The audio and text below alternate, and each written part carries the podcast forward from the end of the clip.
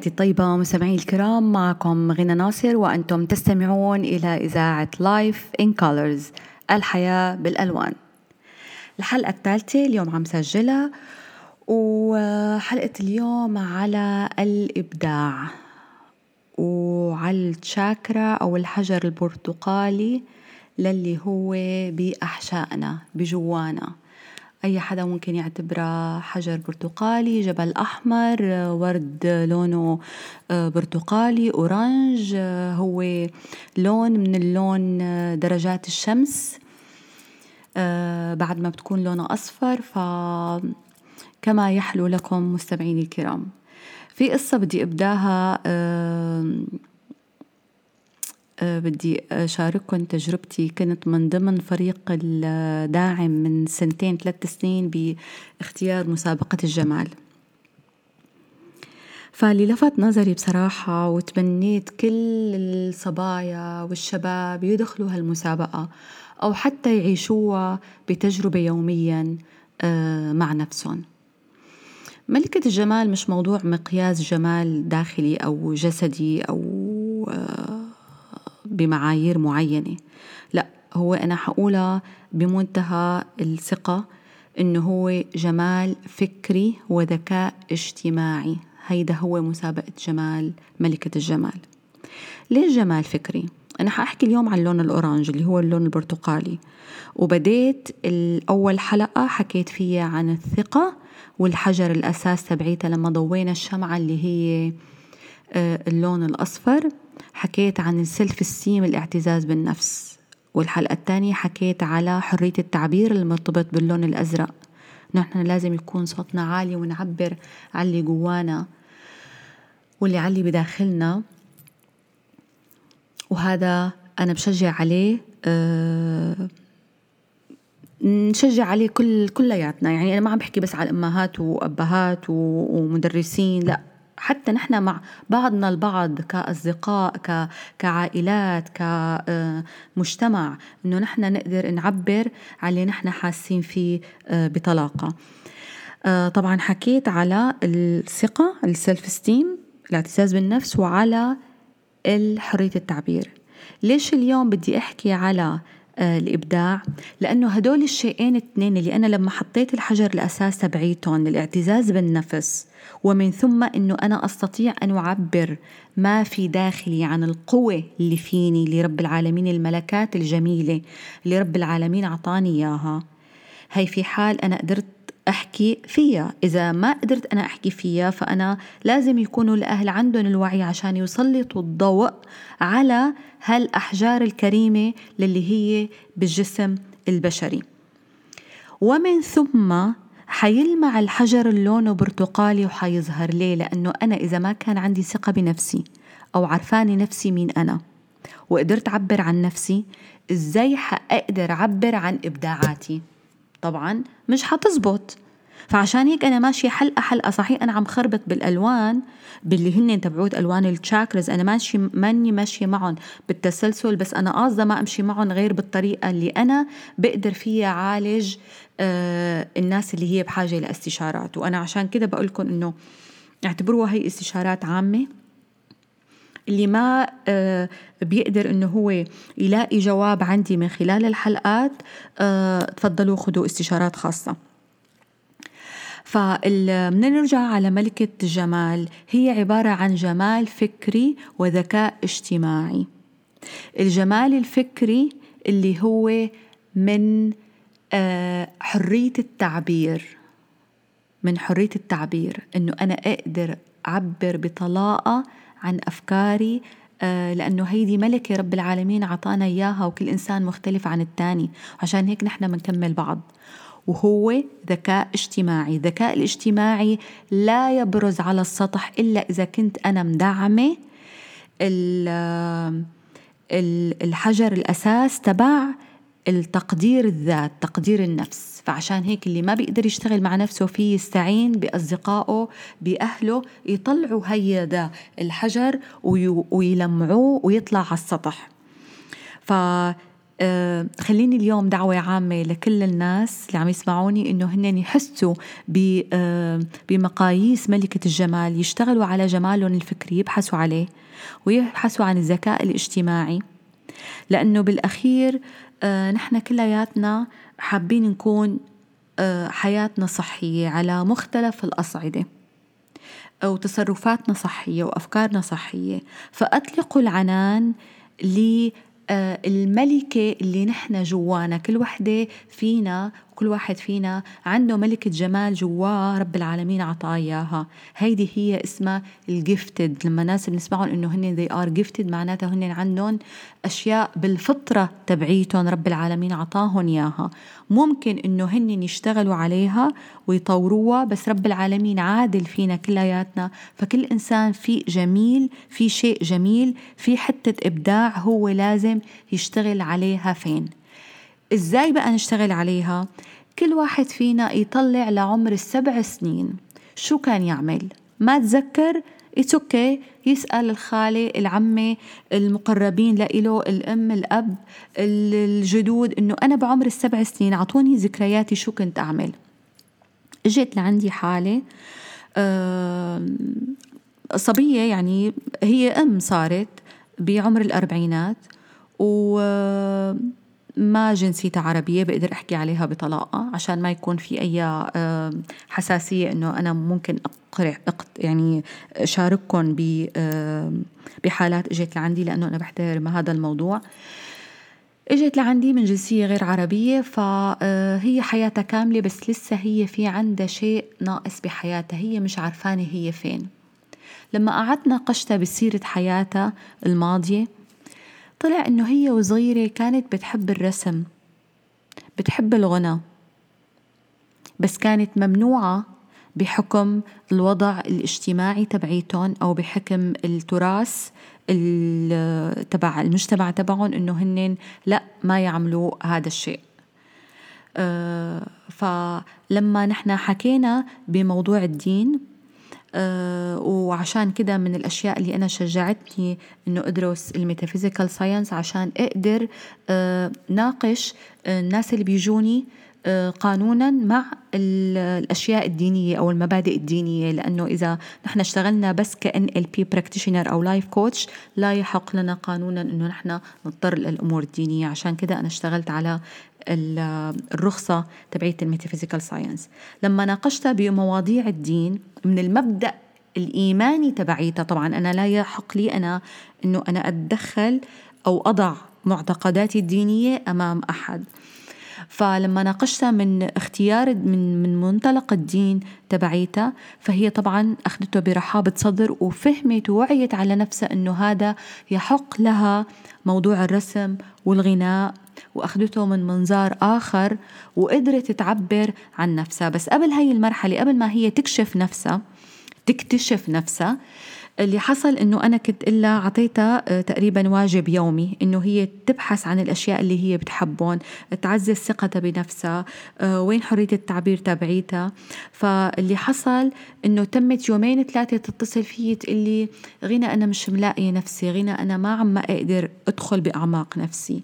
هي طبعا عم تغوص كل نهار عم تحاول تسأل نفسي نفسها أجوبة وتسأل أصحابها وأهاليها وتغوص في أعماقها إلى أنه في يوم من الأيام بعد ثلاث أربعة أيام اتصلت فيه غنى أنا عرفت شو بحب أنا عرفت مين أنا. فهو كان في عنصر أساسي بنفسها الداخلية هي مش كانت وعيانة عليه وكان مدفون عشان كده نحن طلعنا هذا الحجر ولمعناه وهي اشتغلت على نفسها وطلعته. إنه هي لقت هيدي الجفت من رب العالمين هي موهوبة بالرسم موهوبة بالأشياء الفنية وبناء على ذلك هي راحت فتحت آه، جمعية خيرية خلت كل الناس من المجتمع تبعيتها آه، ذات ثقافتهم وذات اللغة المحكية عندها إنه هي تفتح جمعية خيرية وصار عندها مؤسسة قدرت تساعد كتير ناس ومن وقتها ما شفتها وأنا مبسوطة كتير لإلها إنه هي قدرت تلاقي نفسها. وأنا هي دعوة للكل. بحب إنه آه، اشتغلوا على نفسكم آه، حاولوا تساعدوا الأطفال قبل السبع سنين وبعد السبع سنين يثبتوا نفسهم يلاقوا يلاقوا الأشياء اللي هن بحبوها تذكروا أنتم شو كنتوا تعملوا. بعمر السبع سنين وحاولوا تطلعوها وحتلاقوا إنه في كتير أشياء رب العالمين أعطانا مواهب. لو اشتغلنا عليها هي حتكون هيدي المنحنى تبع ال lifestyle تبعيتنا اللي حناخده آه، كمثلا كعمل كهوايه كطاقة بنقدر نحن نعبر فيها عن نفسنا. مهمة كتير كتير لأنه بالحلقة القادمة حأحكي على حجر تاني من أحجارنا اللي نحن لازم نشتغل عليها. أه هلأ الموضوع المهم بهي الحلقة يعني هي كل الحلقة مهمة بس الموضوع المهم اللي بيهمني جدا. بهي الحجر في أشياء إذا ما تلمعت حتدفن حينعمل لها بلوك يعني ح آه، تنهدر طاقة مهدورة أو مهجورة. وإذا طلعت لأشياء كتير إنه هي انفجرت في يوم من الأيام بحدث من الحوادث اللي هي بتحديات حياتنا حنلاقيها إنه هي راحت ل آه، مستوى تاني من الحالة الصحية. يعني عم حاول كون كتير هيك أنيقة بمفرداتي. يا حتكون بلوك يعني جامدة أو مدفونة آه، فحتأدي إلى آه، الناس إنه هي ما حتقدر تعبر عن نفسها وما حتكون آه، حياتها سلسة ما حتقدر تواجه واجهات الحياة لأنه حتأدي لحسد لغيرة لأشياء هي مش ظريفة بالنفس البشرية مش صحية بالنفس البشرية. أو حتؤدي لانفجارات كتيرة على مستوى آه تاني آه من النفس البشرية اللي هي حتكون آه طاقات تؤدي إلى الشذوذ. الشذوذ بكل المقومات تبعيته. ممكن تكون فكري ممكن تكون جسدي آه فهي الأشياء. ليه؟ لأنه إذا كانت مكبوتة كتير وانفجرت فحتأدي لهاي النواحي. إذا كانت مكتومة وما انفجرت حتأدي للحسد للغيرة آه لأنه طاقة مكبوتة. ما هو أنا شايفة غيري إنه هو عم يقدر يعبر عم يقدر يعمل الأشياء اللي هو بيحبها. طيب وين أنا الأشياء اللي أنا مدفونة جواي اللي ما طلعت؟ فعشان هيك حيكون في تفاوت. فهيدي لما لما بقول كلمة تفاوت حنقول لحالي إنه كأنه كلمة تميز أو اختلاف أو comparing اللي هو ال comparing الاختلاف التميز اللي التميز اللي هو مانو صحي آه، مانو لصالحنا نحن. فعشان هيك من الأشياء المعوقات حتكون فيها إنه الأهل ما عطوا حرية تامة لطريقة التعبير اللي هي مش هلأ المحكية نحن اللي عم نقول عليها طريقة حرية التعبير المحكية اللي هي مرتبطة بالغدة الدرقية واللي هي بتأثر على صوتنا وعلى طريقة تعبيرنا.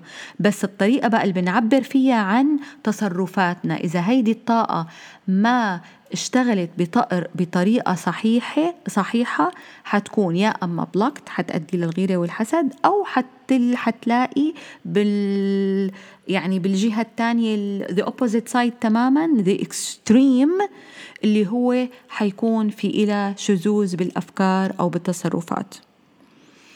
أه بعتقد أنه واضح كلامي ما حابة أه أدخل بتفاصيل أكثر بس بتمنى أنه يكون قدرت توصل صورة مهمة أه للجيل هذا والجيل الماضي والجيل بالمستقبل إنه خلوا بالكم ديروا على بالكم على هي الطاقة اللي نحن لازم ندير بالنا عليها. دخلوا الشمس لحياتكم. خليكم تحبوا اللون الأورانج. وعلى فكرة في نقطة جدا مهمة بحب أذكرها. آه مرتبطة بالحلقات الماضية أو بالحلقات اللي حتجي. أول حلقة هاي إنه هي إذا في حدا أي حدا عنده عدم حب أو عدم استحسان أو استظراف للون يعني عندك للون الأورانج اليوم نحن عم نحكي عليه لابد إنه هو بيأثر على جواتنا إنه نحن عنا في شغلة مكتومة. يعني ما حقول عنا عقدة حقول عنا إنه هي مثلا في شغلة منا طالعة على السطح مهجورة مهدورة الطاقة منا موزعة بشكل صحيح بالنسبة لطاقات الجسد الداخلية. فأي حدا عنده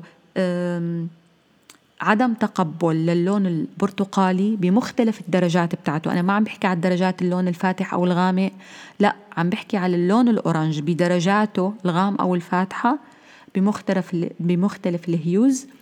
حيلاقي إنه هو عنده مشكلة بطاقة الإبداع الداخلية. حتكون مهدورة أو حتكون مستفزة لأقصى الحدود.